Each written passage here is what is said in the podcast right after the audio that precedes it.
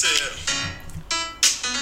you know, instead of waiting for a good day to happen, you know, waiting around through ups and downs, you know, I, I just said, look. Alltså så här känner jag, så här är det för mig att vara i Sverige. We're gonna have a good day Peppe. All my homies gonna ride today and all my mommies look fly today. Magnus, det är verkligen, det är ditt liv. det är verkligen mitt liv. Du lyssnar på Magnus och Peppes podcast.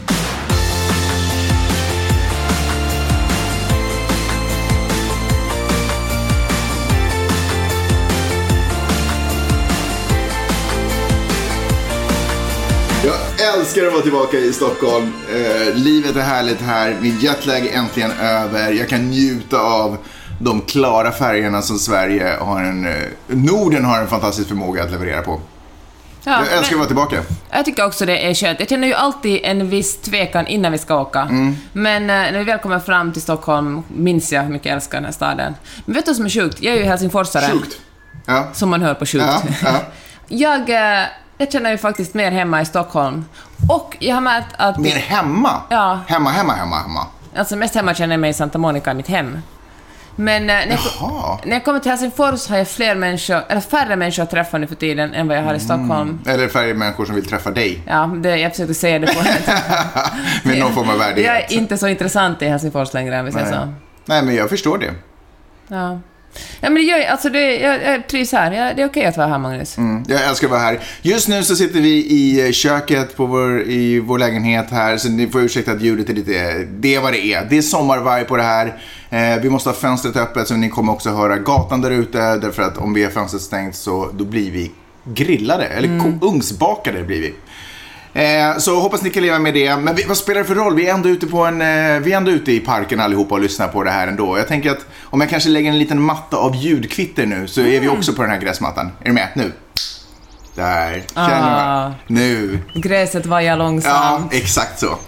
Eh, vi har inte gjort podden på två veckor. Lite olika tekniska bekymmer har vi haft. Så därför så känner jag att slut med snickesnacket och så dyker vi in i vad som har hänt. Är du med? Jag med. Jag har tänkt på en sak som handlar om att eh, ta betalt för Mm. det man gör. Ja, vi snackar ju om att den här podden kostar pengar. Hur gör man om man vill prenumerera på den och vad kostar den? Om man vill vad då? Prenumerera. Okej, jag sa det kanske lite onödigt snabbt. Jag vet inte helt ärligt. Men jo, eller det vet jag visst det. Eh, jag har lagt upp en länk på mitt Instakonto faktiskt som man kan klicka på som tar det till Paypal. vad heter ditt Instakonto då? Det heter eh, Maggie Sochman. Men man hittar mig genom dig och det heter Peppe, Peppe, Peppe. Ja. Det visade sig förresten vara ett genidrag att heta Peppe, Peppe, Peppe. Varför då? Peppe var upptaget. Peppe, Peppe var upptaget, så jag till ett Peppe i tidernas begynnelse. Och- Då när Insta inte var hett, så du visste inte ens om det här är någonting man Exakt, kommer... man ville bara... Du sa att man testar olika grejer. Men jag har ju också bytt namn på Vänta, nu talar vi om mig. Ja, förlåt. Du skulle veta hur många gånger folk kommenterar Mm. och jag sa att jag såg ett jättelångt namn med jättemånga P. Jag såg det är du. Jaha, alltså, det... Ja, Pepp. Ja, det går ju inte obemärkt förbi. nej. Nej. Det är som en, du är som en stretch limo. Jag är vanlig bil som åker förbi. Igår kom det en stretch limo förbi oss och så lutade sig en gubbe ur och skickade Mm. en slängd kyss åt mig. Alltså aningen berusad ut. Men det är inte därför vi är här. Okej, men då- okej, ta betalt. Jag tycker Ja. man ska betala för eh, content. Jag har ju ett, Kan vi också sluta prata om content? Jag är Ja. trött på att folk säger content. Innehåll. Det- Innehåll. Innehåll är ordet. vet Innehåll. Det är också en sak jag vill... Alltså det hör egentligen till den här grejen, det jag vill tala om. Och nu sa jag det själv. För content sa man ju förr med citationstecken, för man tyckte det lät så töntigt. Ja. Man bara, det här är lite content. Och nu använder jag det, till med jag Magnus, använder en helt vanlig mening, så det ska vara självklart. Och sluta med det, för mitt intryck av folk som säger att de jobbar med content är att de inte jobbar med innehåll. Nej. De jobbar med något annat eh, humbug. Hålla med. Okej, jag har ju också ett nyhetsbrev som jag tar betalt för. 5 dollar i månaden kostar det. Då får man varje fredag ett, eh, en lista med de bästa grejerna jag har läst under den veckan. Jag liksom kurerar innehåll. Jag tror mycket på det framtiden. Att man går till någon som man har någorlunda förtroende för och så prenumererar man på dens nyhetsbrev och så får man ett paket med jättebra, med jättebra texter och ett eh, TV-serietips. Och får jag ändå säga till din ära. Jag är, mer och mer förstår jag under våra 11 år tillsammans, vilket otroligt öra du har för vad som är på G. Bara det faktum att vi började typ göra den här podden på prov i ett annat, på ett annat sätt redan typ kanske 2009 eller 2010. Nej, 2010 kanske. Alltså 2010. Poddandet var inte ens uppfunnet då. Det fanns inte en sån, en sån klausul på iTunes ungefär. Det var, du, var så, alltså, du har ett otroligt bra öra för, och känsla, fingertoppskänsla för vad, som, vad det kommer surras om imorgon. Tack, Magnus. Det var slut som. Hördu, i alla fall. Och jag tycker det är bra att man ska betala för innehåll. Men nu, det och Patreon har ju funnits eh, i flera år. Du vet vad Patreon är. Man kan bli, man tycker någon är bra så betalar man den. Och det finns andra lösningar. Substack är ju en lösning, speciellt för nyhetsbrev, en ganska ny sån. Då kan man ju ta olika betalt och, och liksom stora amerikanska skribenter kan verkligen helt försörja sig på Sub- Substack. det. Svårare om man skriver på svenska för det är en så pass liten målgrupp man har. Men det kan bli en side hustle, som vi säger i Los Angeles. Och eh, nu kommer Twitter också att börja ett system där man kan dricksa folk. Att man får lite betalt för om man skriver något Twitter? roligt. Ja, Va? Så man kan slänga in en liten coin till, Ja. eh, till ett roligt inlägg? Exakt. Så allt, allt, allt fler av de här plattformarna ser, eh, ser ser till att det ska gå att betala användarna. Och då säger plattformarna så här, det är väl jättebra, ni ska få betalt för er content. Nu gör ni innehåll, det är klart ni ska ha betalt. Men- Men, i praktiken är det ju såklart plattformarna som vill ha ännu mer betalt. Såklart. För de kommer ju fortfarande att göra reklam, de kommer att ta vår information och veta exakt vilken riktad reklam de ska sälja mot, rikta mot oss. Mm. Och ta betalt, alltså de kommer betalt, ta betalt från alla håll. De tar in, och det är ju, de, de blir ju ännu rikare medan vi tror att vi liksom får ut någonting av det. Men egentligen så är vi ju bara deras äh, arbetsbin. Vi är deras host. Okej, vi är verkligen. Och det är, ju, det är ju liksom... Man blir ju deppig för det är så cyniskt. Men en annan sak som är ju ett problem är att allt, när allt kommersialiseras, när varenda liten text man skriver verkligen blir då content och, ska, och, och liksom skrivs för att man ska få betalt för det, för att folk ska följa en. Det kommer också att leda till den här, liksom, ett, en ännu hårdare uppmärksamhetsekonomi där alla bara kämpar för att synas och höras mest och det kommer att göra att, äh, jag tänker så här höger, Bulletin, den här högersajten, tidningen, vad fan de nu är, det är väl ett typiskt exempel, det går ju inte så bra för dem, men i alla fall de är ett typexempel på det, att man försöker få folk att äh, följa och prenumerera genom att komma med ganska radikala åsikter och ganska nischade också, man liksom riktar sig verkligen mot ett visst segment. Men gud, det här är otroligt intressant Peppe. Det här, det det? här känner ju starka kopplingar då till Onlyfans som jag tänkte att vi skulle snacka om också. Då. Men, vi, fortsätt. men jag får, vi talar senare om det. Ja. Och eh, det som jag tycker, och det här handlar inte bara liksom om redaktionen, man har vi grundar en liten redaktion och liksom Mm. vässar våra åsikter, utan det handlar också om privatpersoner. Ser du på Twitter till exempel, kommer att, och det kommer kanske, vem vet, kanske Instagram och, och, och TikTok går samma väg. Du kommer, för folk kommer att vara så här att okej, hur ska jag få folk att följa mig? Man, folk, all, redan liksom Facebooks begynnelse fattar man ju att följare får man genom att väcka känslor. Och då kommer folk att liksom att, att eh, allt fler kommer att spela på känslor, för ju mer känslor de spelar på, desto mer chans har de att få betalt, för desto mer, uppmärksamhet Ja, får de. Och då är det något som försvinner där. Kalla mig pretentiös, men det blir liksom allt, allt på något sätt ärligt eller genuint, eller politisk diskussion, all konst håller liksom, får stiga lite åt sidan. Men allting groomas ju till att bli pengamaskiner Mm. istället till, på bekostnad av det egentliga innehållet Ja. och eh, budskapet. Sjukt intressant Peppe. Och, men det är ju också så här att det, det blir ju också lite döden för den fasta anställningen och de här stora redaktionerna. Därför att vi blir alla små snuttjobbare. Vi blir alla frilansare för Twitter, vi blir frilansare för Instagram, vi blir frilansare för alla de här små plattformarna. Men för jag menar, vissa kan ju få ihop en budget för det och det finns ju ingen anledning egentligen att gå och sätta sig på ett 9-5 och ha en chef som säger vad man ska göra. Om jag på något sätt bara kan få cash för det jag slänger ut lite härsan och tvärsan. Det finns, det går ju inte jättebra för mediebranschen, så det finns ju redan nu alltså journalister som har gått över till Substack, Mm. som är någorlunda... Jag vet inte om det här kommer drabba just... Alltså att det kanske inte är journalistiker som just lever, journalister som lever just på Twitter, men... Nej, ja, det är men inte kanske helt ovanligt ja, att journalister inte. är där ja, också. Är såklart på Twitter, men liksom Ja. helt säger upp sig och skapar en, en karriär på Twitter, har jag så tänkt Nej, mig. men tänk den journalisten som kanske, har, som kanske inte i första skedet plockades ut till att få jobb Mm. på, en, eh, på en tidning eller något liknande. Men det är ju också det här, all, vi blir ju alla små, vi blir the lonely islands. Alltså Ja. vi blir alla små, Ja. den här Enheter. funktionen i en redaktion där man kan stötta varandra i åsikter och man kan bolla och Ja. reda ut saker ordentligt försvinner ju. Istället så blir det upp till mig att komma med den totala sanningen eller den Precis. uppfattningen jag har av Och- otrolig krav och press. Det kan ju ingen leva upp till i längden. Och det är så intressant, jag talade med en kompis om det här igår och hon sa så här, men vänta lite nu. Alltså det som ni nu håller på med, alla som är på Substack och som skriver grejer, som gör poddar och ber om pengar. Ni, och så, ni gör ju liksom lite Joakim Lamotte. Mm. Alltså, han kallar, sig, han kallar sig journalist, han går ut och, och säger han swishar för, swishar för min journalistik. Men det är ju just det som är skillnaden, han gör ju inte journalistik. Han gör ju, han gör ju Twitter live. Mm. Alltså han iscensätter situationer och han, liksom, han har ingen redaktion som diskuterar är det här publicistiskt okej eller är det här liksom faktagranskat. Utan han går själv ut, filmar sig själv, kommer med sin en enda vinkel och så Mm. vill han att folk som... När, och när han liksom bekräftar folks åsikter om hur det är på ett visst ställ- ställe eller hur läge, då betalar de honom. Och jag tycker det är ett problem när... Jag tycker man måste verkligen skilja på journalistik och på och på åsikt och opinion. För jag menar som du säger, på redaktion gör man journalistik, då är det flera människor inblandade. Då är det en redaktör, ofta en faktagranskare, det är en chefredaktör som funderar vilken... Man för, publicist, man för samtal kring, är det här etiskt, är det här inte etiskt? Och liksom, Ja. Men är man en ensam eh, typ ute på gatan, eller, eller bara en ensam typ med ett nyhetsbrev, ja, det är svårt att se det som journalistik. Och, men också, även fast man i inledningsfasen, man kanske inte får några pengar, man drivs av ett kall, man vill på något sätt komma till rätta med samhället och så, och så eh, har, man något, har man något positivt och bra på gång och så behöver man få pengar för det. Och så fortsätter man på den här, men nästa grej man gör drar inte in lika mycket pengar och då är det lite så här, hmm. Nu Ja. har jag inte råd att göra den journalistiken som jag egentligen ville Precis. göra, som jag var här. Så nu måste jag liksom falla in. Exakt. Och det är det jag menar, att då groomas ju också innehållet. Precis, som Precis. de här Onlyfans, eh, liksom... Ska vi tala om det nu? Ja, men det kan vi göra. På SVT, så, eh, förlåt, SVT Play så finns ju eh, dokumentären Pornfluencers. Eh, som, han, som är liksom en inblick i eh, fenomenet, sociala mediefenomenet Onlyfans som det har pratats om väldigt mycket. Jag har egentligen snappat upp det tidigare därför att det känns som Paradise Hotel-deltagare pratar mycket om det. För detta Paradise Hotel-deltagare pratar mycket om det. Eh, kommer du ihåg Paradise Hotel-deltagaren Kat Pau? Ja. Hon har varit med Ja, flera ja, säsonger. Hon var med typ senast och åkte ut supertidigt och var såhär, det här var ju weird. Eller såhär, awkward. Hon är en av de som jag snappade upp för ett tag sedan som var såhär, ja men jag tjänar miljoner kronor på, miljontals kronor på Onlyfans.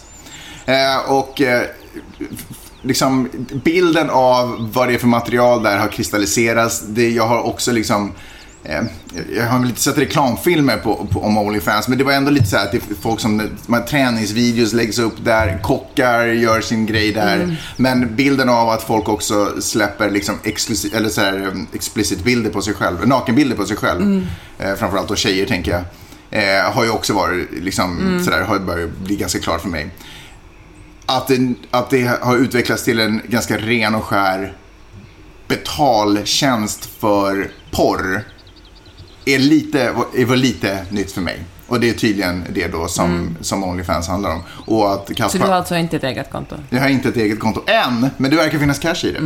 Eh, Men eh, så det faktiskt, ja i alla fall. Och så i den här då dokumentären på Influencers så lyfter de fram det här ena paret. Ett, ett vanligt, vad ska jag säga, svenskt par från södra Sverige som tjänar jätte, jättemycket pengar på det här. Och en av de här topp 0,4 procenten på Onlyfans-konton i Sverige som tjänar de här summorna. Ibland. Så här, det gjordes också en intervju i samband med det här på Nyhetsmorgon. Och det här uppmärksammade Britt och Parisa mig eftersom jag klipper deras podd och de pratade om det här. Och, och där, eh, en av de misslyckanden i den intervjun var att man aldrig lyfte fram vad är det egentligen för innehåll som produceras här.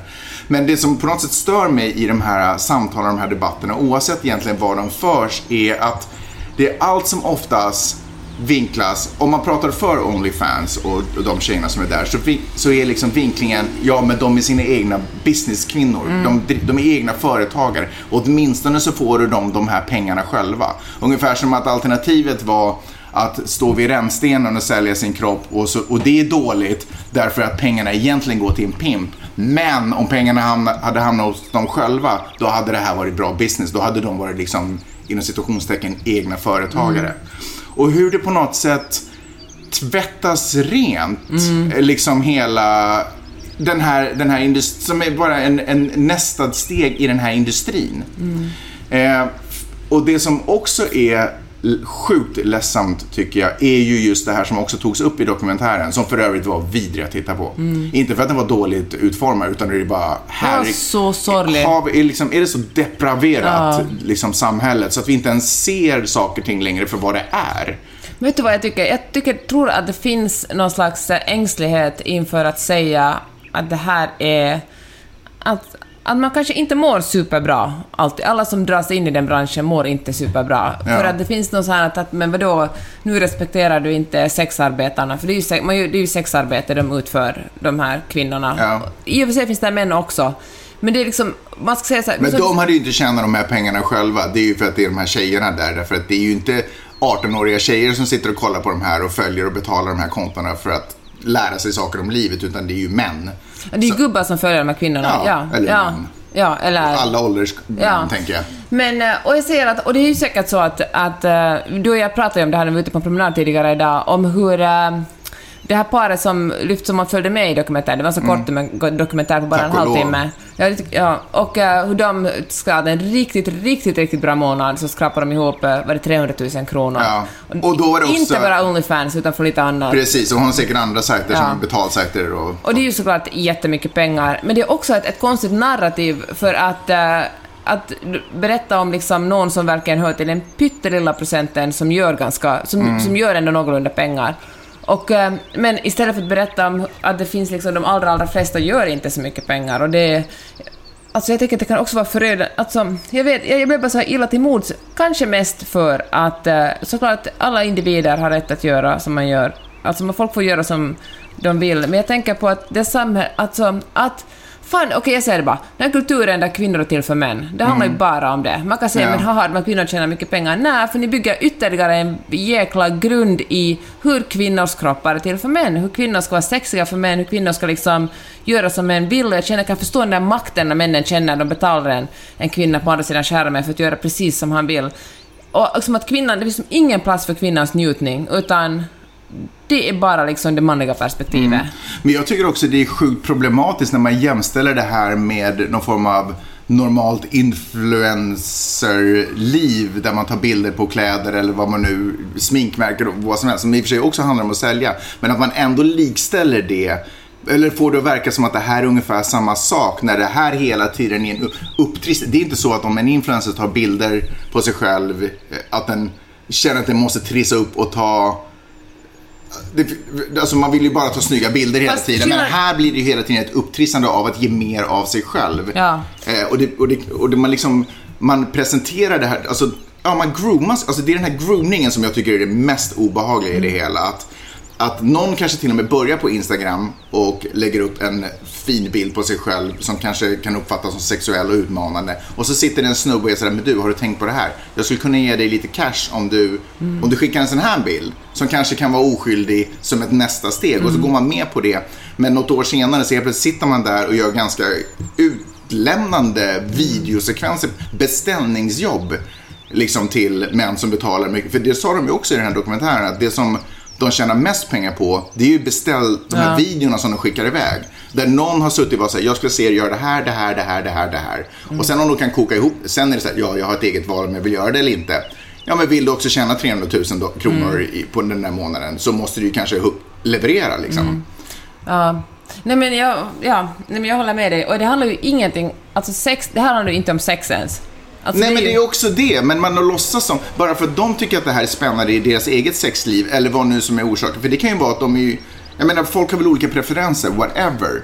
Men när man hela tiden gör det till, precis som att det här skulle vara en sexuell upplevelse för alla, att det här är liksom en, eh, vad fan är det där ordet, när man liksom, när alla är med på det. Samtycke. Att det finns ett samtycke, det är det ju inte. De Nej. ena, den ena känner ju sig lite sådär manad att göra det för att Ja, för det drar in bra pengar och det, jag är businesskvinna. Och den andra är det ju en sexuell upplevelse för. Och då har vi ju lämnat världen för sex. Då är vi ju inne på saker som sexuellt ofred. Alltså då rör vi ju de kategorierna av liksom, eh, ja.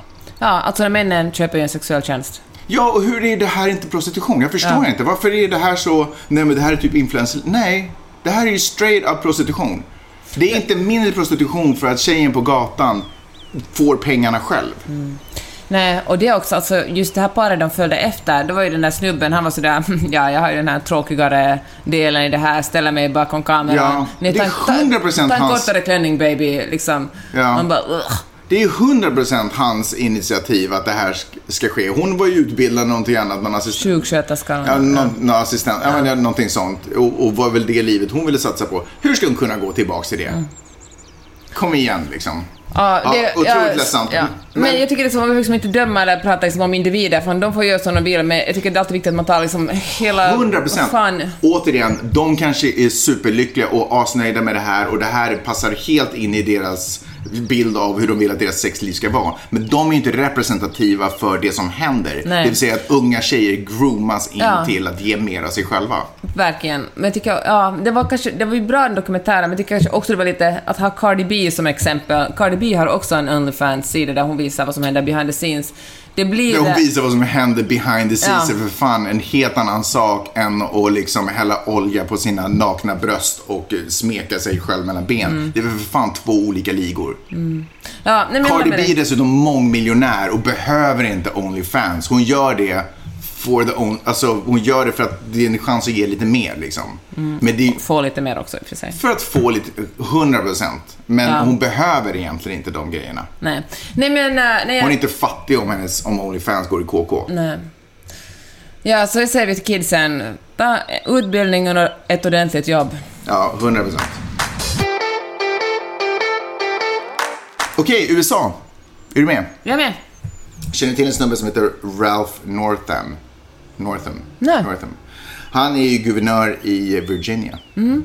Han är ju, han har ju gjort, det är vit demokrat.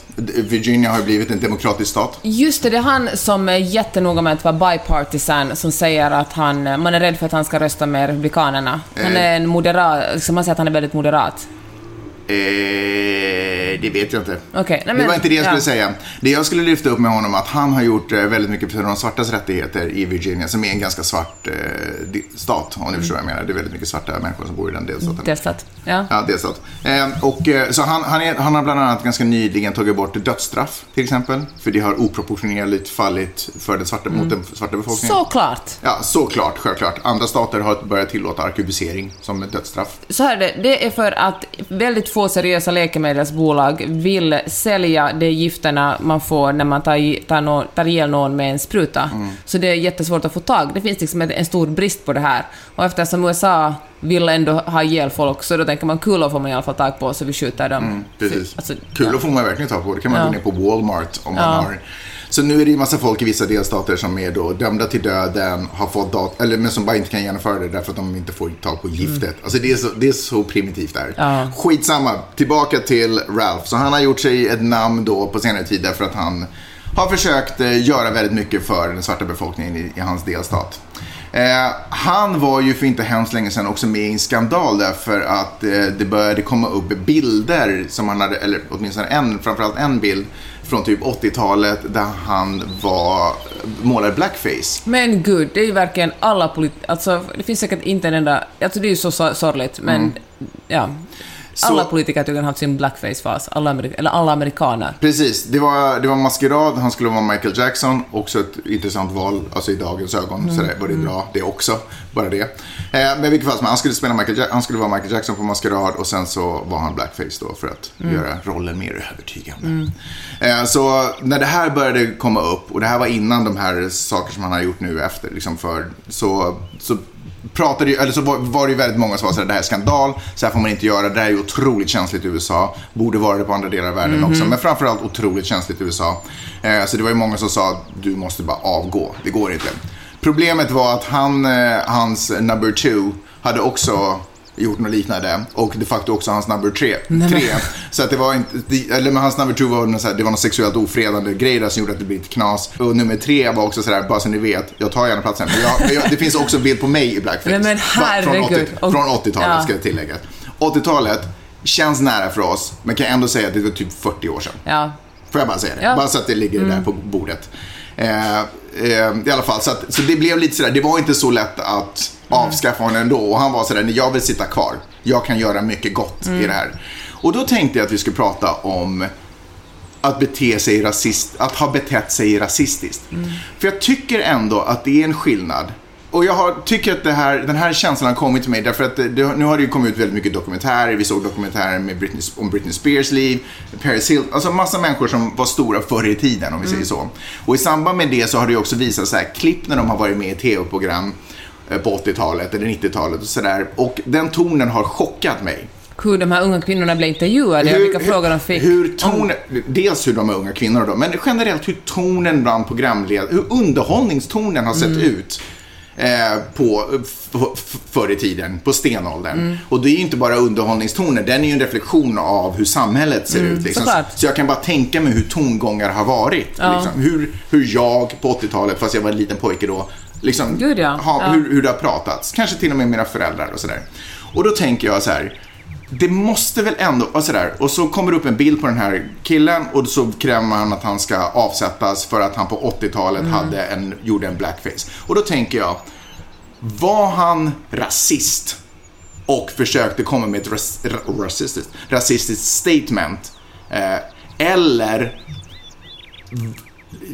låg han på en kulturell, kommunicerade han på en kulturell nivå där samhället var? Jag menar, det är klart att det är förkastligt, men häxbränning är ju också förkastligt. Det skedde för några hundra år sedan. Om vi hade levt i några hundra år och någon hade varit med, alltså förstår du vad jag menar? Att hur kan man, den, den är svår för mig att liksom, om han har ändrats sen 80-talet, han är 40 år äldre, bara där. Jag håller med dig, man måste ju få ge en andra chans åt folk. Man Ja. måste ju kunna säga, men det beror också på hur de hanterar det. Tycker Justin Trudeau, alltså Kanadas premiärminister, han var ju Mm. med om samma sak. Han hade ju, det kom ju också ut bilder på honom. Precis. Men då måste man ju helt enkelt eh, be om Alltså jag tänker att hur man hanterar det. Vissa saker ska man inte behöva leva med resten av sitt liv. Vi måste Nej. ju liksom kunna tro på någon slags förlåtelse. Men jag tänker att jag måste ha sett, jag kan inte se det framför mig nu, men jag har inte svårt att föreställa mig att till exempel när vi gick på gymnasiet, om det var något spex eller liknande, att någon inte skulle ha Ja. målat ansiktet svart. Jag har inte svårt att se att det skulle kunna ske. Därför att det var ju liksom den kulturella tonen då. Och, och en stor del att leva i samhället är ju att passa in. Alltså sådär vara lite som alla andra. Det betyder inte att någon av oss var rasister. Vi kunde till och med vara antirasister. Och verkligen demonstrera emot rasism och, och vara aktiva mot rasism. Men ändå inte förstå den grejen. Fast det var ju en del av en, ett, precis som vi fortfarande är del av ett rasistiskt samhälle. Vi 100% är det, vi- absolut. Det är ju det är lite gött för oss att menar- kunna vara vårt vita, liksom vita privilegium. Precis, men det var inte vi som designade samhället vi växte upp i. Nej. Förstår du vad jag menar? Nej, men jag tänker ändå att man, vi har ju liksom, jag säger, det här menar jag inte nu, jag talar inte om gymnasiet på 90-talet, liksom, ni var fan barn och han var, och, men jag tänker ändå att det, det är ju det att det finns någon som är sådär, wait a minute, det kanske inte är helt soft med blackface, Mm. Nej. det är de som tar det vidare, och vi borde ju alla Ja. vara dem, vi borde ju alla sträva Absolut. efter att vara de som är lite obekväma. Ja, men jag tänker också så här. Det hände då. Då var vi alla unga. Han var säkert äldre. Jag vet inte hur gammal han är. Men skitsamma. Då var vi alla unga. Eh, det är ju också vi, vår generation, som har bidragit till att... Jag menar, jag säger inte att jag som man som har gjort det här. Men jag menar att det är ju också vår generation som har fått oss att vara där vi är idag och kan se den skillnaden. Eller så har vi också bromsat det, kanske vi som har gjort att det inte har gått fortare än enough. vad det har gjort. Alltså jag menar, vi måste ju ändå... Men min Ja. poäng är, är det verkligen rimligt? Och då skulle jag ändå säga att jag tycker att det är en skillnad på att ha, eller det är naturligtvis skillnad på om man har våldtagit någon, för det var ju ett brott. Det har ju alltid varit ett brott. Mm, Det hade verkligen inte... Nej, okej, inom, för- jag förstår undantag, men okänd människa våldtar en annan okänd, okänd människa är ju, har ju varit ett brott, åtminstone på 80-talet i, i, liksom i Norden. Och att bete sig rasistiskt som egentligen bara har handlat om en förståelse. En kunst, det är ju en kunskapsnivå för de flesta. Sen har det funnits rasister, men för de flesta har det varit en kunskapsnivå som man nu kanske har kommit över och känner okej, nu är det inte nu är det inte cool att göra så. Eller det är liksom fel att göra så. Det är fruktansvärt, eller så får man inte göra. Förstår du vad jag menar? Jag förstår. Så att kräva någon sak, vad, vad tänker du? Är det rättvist att kräva någon? Jag tycker, speciellt om han kanske försöker göra, liksom, göra, rätt för, liksom, göra rätt för sig genom att jobba för svartas rättigheter. Ja, fast det saken hör att det är egentligen efter att det där kom. Det här är Ah, hans liksom okej, okej, Ja, jaha, Fast han sa också att jag har, alltså på grund av att det här dykt upp så har jag ju börjat liksom, diskussionerna har ju börjat liksom, Mm. ha fått honom att vilja göra mer. Ett sätt han kunde göra är kanske avgå och ställa sig bakom en svart, Mm. En svart guvernör och liksom försöka få en svart kandidat på sin plats istället. För jag utgår Ja, från de är här tre, ettan, tvåan och trean var säkert alla vita män. Säkert. Det var ganska roligt för att eh, det här, eh, inspirationen till det här kommer från ett avsnitt av The Daily. eh, Där de pratar om just den här duden, så det kan ni gå in och lyssna på. Och då hade det också intervjuats, eller det gjordes ju undersökningar sådär, ska han avgå? Och så gick man ut och började prata med folket. Och så många svarta var sådär, och vi ska om vi ska kicka ut alla vita män som har gjort något rasistiskt, då har vi liksom, alltså, Ja. någonstans om man är en bra guvernör och gör mycket gott så då får man Mm. kanske leva med att någon i forntiden har gjort något dåligt. Fan, jag tycker alltid det är... Det var inte så alla tyckte, men Nej, jag förstår det. Och, ja, men eh, fan vad sorgligt att, eller tråkigt att det var först efter att han blev, efter att de här Som bilderna som Ja, han då började jobba så för svartas rättigheter. Ja. Men i alla fall. Hörru, det här får mig tänka på... Eller jag blir alltid lite så stressad när vi ska tala om rasism, för när du frågar mig något sånt här känner jag att det är väl inte min sak att avgöra eftersom jag är vit. Mm. Liksom jag. Men eh, det kanske också är bra att säga vad man tycker, om någon vill kritisera det så får man ta, det till, ta till sig det. Det är väl ändå Mm. viktigt, tänker jag, att man som vit engagerar sig på något sätt. ja. Och eh, därför kommer, där kommer vi in på en annan grej vi talar om. Vi läste en intervju med äh, Raseriet-podden, Fanna Doe Norby och Amy Bramesey, som äh, är programledare för en podcast och figurerar, tror jag, andra så här mediesammanhang i Stockholm. De är båda svarta och äh, talar om rasism. Jag har inte bara lyssnat på ett av deras avsnitt och det var din kompis Rebecca Stella de snackade om hennes sminkprodukter det, som inte just det. svarta. Ja. De håller på med, de är, alltså, och de var, jag tycker de, de är roliga, de är underhållande, de är liksom, samtidigt som de uh, utbildar folk i liksom. Okej. Och jag tycker det är ganska skönt för att min uppfattning om dem, då, med det lilla jag följt med dem, de gjorde ett TV-program på SVT också faktiskt, och uh, är det att uh, de Ja men de är ganska fräcka de är och ja men de är vanliga människor. Alltså de, så här tänker jag, de, de kör inget utbildningsprogram utan de pratar rakt på. De liksom... Och sen får man förstå och hänga med och det är upp till en själv att sådär, det här fattar jag inte, educate myself så jag kan vara med. Precis. Och eh, de har kommit fram till... De har just skrivit ett test inspirerat av en annan, en svart Black Lives Matter-aktivist, journalist i USA, som sa att hon orkar inte utbilda vita människor i rasism längre. Alltså Mm. grundläggande frågor. Fucking google it, liksom. Mm. Ta reda på det. Och jag kan förstå det, som feminist kan man också känna ibland så här, men herregud, om du inte... Om du vid det här laget, vi lever 2021, om du inte fattar vad feminism är, orkar jag faktiskt inte utbilda dig i det. Mm. Det tyck, I och för sig orkar jag göra det, men jag, kan förs- men jag förstår också. Jag förstår folk Mm, jag som fattar. känner så. Ja, jag fattar. Jätte, jag kan verkligen rekommendera den här intervjun. Men en sak som skaver i mig som de säger. Okej. Så här, de säger att, att ibland när de blir intervjuade så brukar de, eller ganska ofta brukar de be att få frågorna, intervjufrågorna innan, innan intervjun. Just det. Och eh, själv, Men det kan man väl, det är väl inte konstigt? ja, ah, det är lite störande som journalist, men man bara kör på, vad fan, så, så är det ibland. Och, Ibland kan det ju vara bra, för då har Ja. den andra hunnit liksom har svar på frågor. precis, ibland, eller då kanske det är bättre att man gör lite förintervju och liksom snackar, det här tänkte jag tala om. Så gör vi ofta på Nyhetsmorgon. Ja, ni gör så. Ja. Men, eh, och så är de så här, men då de här arroganta vita journalisterna, ibland då håller de inte sina frågor, utan de ställer andra frågor än de som vi får skickade till oss. Och då måste jag säga, i egenskap av journalist, det är så journalistiken fungerar. Alltså, journalistik är ingen plattform eller PR-byrå. Det är inte så att man får några frågor och så väljer man själv vad man svarar på, eller så läser man artikeln efteråt och redigerar den. Utan journalistik fungerar så här, det är en journalist som intervjuar dig, du svarar, journalisten skriver ihop det du säger. Och att inte ställa följdfrågor är, alltså då gör man ett, då, då, gör inte, då är man inte bra på sitt jobb. Journalistik är ju ingen överenskommelse mellan Nej. ett intervjuobjekt och, utan det är ju... Man är liksom- ingen megafon för liksom Nej, intervjuobjektet, utan man försöker... Och då måste man helt enkelt... Det finns såklart sämre journalister och bättre journalister, Mm. men, men journalister eh, måste man lita på att det här är... Man måste lita på journali- journalistens yrkeskunskap. Mm. Och det kanske inte blir exakt som man vill att det ska bli, men då får man förstå också att det finns andra perspektiv på ens historia än bara ens eget. Ja, och det är det, precis. Och sen är det också sådär att få se en text efter är ju inte heller en självklar, det är ingen lag som säger, alltså det är journalisten som bestämmer själv om den vill skicka. Ofta så gör man ju det för att bara få sin, de där citaten som du har sagt checkade. Var det exakt så här du sa? Känner du igen Mm. Det här? Eh, inte för att få feedback på texten, för det är helt journalistens, vad heter det, prerogative. Och det måste man komma ihåg att... eh, Eller, It's my prerogative. som... eh, Det är intressant att folk som första gången blir intervjuade, om man låter någon läsa texten får man alltid tillbaka den som en ny text. Du måste alltid fråga, har du blivit intervjuad förut? Ja. Ja. nej, då får du tyvärr inte den här texten. Folk som är vana att bli intervjuade brukar vara sådär, ja, det blir bra, det är Ja. okej. Visst, har du upplevt det också? Jag har 100% upplevt det. Jag upplever det i podden också en gång Ja. i veckan. Det blir bra, whatever, det är okej, skitsamma. Jag sa någonting som inte var så supersmart där. Jag Ja, försöker men göra bättre nästa vecka. det. Men faktiskt så måste man faktiskt tänka. Alltså man måste vara lite... Man måste slappna av lite, tycker Ja. jag. Men jag tänker att folk som hör mig ofta har en mer nyanserad bild. Jag tror inte att det gör så hemskt gott intryck om man bara lyssnar på ett avsnitt och bara What the F är den där duden om? Men jag tänker att om man har lyssnat under en period så har jag kanske jämnat ut det lite mer. Eh, Jag försöker ha hjärtat på rätt plats i alla fall. Ja. Det var det. Det var det. Bra, tack. När vi spelar in det här så är det den 20 juni. Vad betyder det, Peppe? Ja, det betyder att... eh, ja, det är ljust ute. Det är en öppen fråga. Det betyder att igår var det Juneteenth. Ja.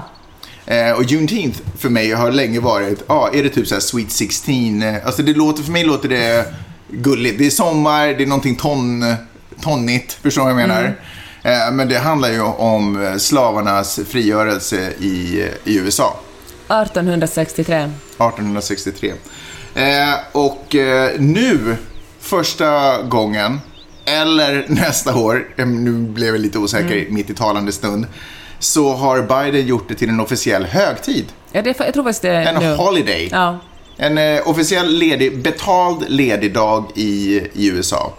Första, eh, första led, eh, liksom, vad heter det, helgdagen i USA som har deklarerats på 38 år. Och det är väl fantastiskt att svarta får den här dagen, eller att det och erkänns. Svarta har ju firat den. Ja, det och det handlar... handlar inte om att svarta får det, det handlar om att amerikaner får det och att det erkänns. Och att man liksom har en... eh, Ja, erkänner det helt enkelt, uppmärksammar det. Eh, just det, för 30 år, 38 år sedan, då var det ju Martin Luther King Jr. som fick, Dr. Martin Luther King Jr. som fick, sin, som fick en helgdag. Eh, I kongressen, 415 pers- eh, röstade för, 14 emot. Kugg, eller fråga. Eh, vilket parti tillhörde de 14 som röstade emot?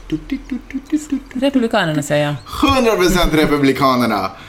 Varför är det så att om man hittar någon... Alltså, de röstade emot att man skulle göra det till... Att man skulle uppmärksamma dagen då slaveriet äntligen avskaffades officiellt, liksom typ ish, runt... Ja, men sådär. Man valde den dagen. Eh, så tänkte de att nej, det ska vi ta fan inte göra till en helgdag. Varför? Varför är de så... Varför promotar de sig själva som assholes? För att de får rösta Alltså på det jag sättet. tycker det är så, men det är dessutom 14 alltså det var inte ens majoriteten av republikaner, det ska man väl Ja, också säga. men i deras hittar delstater- Man, hittar man en asshole så är det ta mig fan en republikan alltså. Det Men är alltså, så, det är så här, deppigt. det här hänger ju ihop med det här projektet 1619, alltså critical race theory, Mm. Ja. som Trump ville förbjuda att... men Trump ville förbjuda att utbilda barn, alltså under, undervisning i kritisk rasteori. Kanske man inte säger rasteori, vad säger rasism helt Mm. Ja, ja, enkelt. precis. I rasistiska strukturer kanske en, en bättre översättning. För att han tyckte att han vill inte att eh, det amerikanska folket ska... Han tycker att vi är inte rasister här, det var hans argument. Och det är ju så alla, ingen eh, känner sig... Alltså Ku Klux Klan säger ju inte att de är rasister ens. De säger bara de har en grupp som tycker att svarta inte ska få vara med.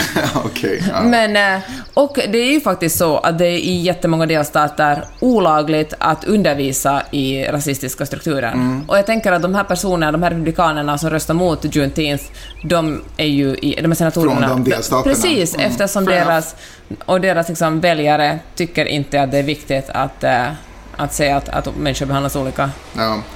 Eh, en, några av de kritik som framställdes av de här 14 personerna var att amerikan, eh, USAs arbetare inte behöver en ytterligare betald dag. Det är svårt för businessar ändå. Liksom, att, Kom igen! Ja, men det, det här var en av de saker som de lyfte fram. Och en annan, och någon annan, eller några andra lyfte fram också att det i den här motionen beskrevs som en Independence Day.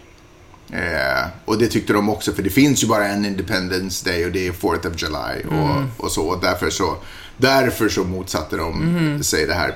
Men, eh, men det jag tycker just det här att jag- det, det är så ledsamt, just den här känslan av att om hittar man en asshole så är det 100%, för så, känner, så är det 100% republikan, för så känner jag inte Sverige. Alltså jag kan hitta, alltså jag känner inte, är det en asshole, ja men då är det garanterat en, okej, En Sverigedemokrat, Sverigedemokrat, fine, fine, men av de partierna som jag är uppvuxen med och som jag erkänner, så, som jag ser, så, så ser ni inte så här, ja men moderat, det, där finns ju alla assholes, eller Nej, Centern eller Vänstern. Jämnare utspridda, tänker du. Ja, men precis. Där kan jag känna De kan ploppa upp var som helst. någonstans så är allas liksom eh, svenska medborgare och vi är del av samma intresse på något sätt. Och vi har någonstans så finns det någon grundläggande värderingar som vi alla ändå köper. Och sen har vi lite olika strategi på om, om, eh, om man ska få sätta marknadshyror på, alltså det är detaljer, Ah, förstår du vad jag menar? nej, det, är jag inte, fattar. det är inte liksom Jättestora frågor som människovärde. exakt så, så upplever jag. Men sen så finns det ju något parti som sticker ut därifrån i och för sig också. Ja. Eh, Sverigedemokraterna, eh, alltså Sveriges svar på Republikanerna, eller Sveriges svar på de här sydstatsrepublikanerna. Mm. Charmigt, oerhört charmigt. Hör du, ehm, Det var podden. ja, det var podden. Tack för att ni betalar för uh, content. Ja, tack för att ni betalar för innehåll. Och fast ni inte betalar här, betalar någon annanstans, prenumererar på någon tidning, oavsett vilket land ni bor i. Ta, betala, ja, prenumerera på någon tidning. Undvik Onlyfans, både som, eh, som eh, innehållsskapare och som kund. Eh, och håller till eh, Bra journalistik. bra journalistik och bra innehåll. Men det gör ni ju, för ni lyssnar på den här podden. 100 procent. Hjälp också andra på den vägen. Kan vi säga så istället då? Och ha en fin sommardag. Och nästa gång vi hörs så är vi i Finland. Woho! Woho! Vi ses! Hej då!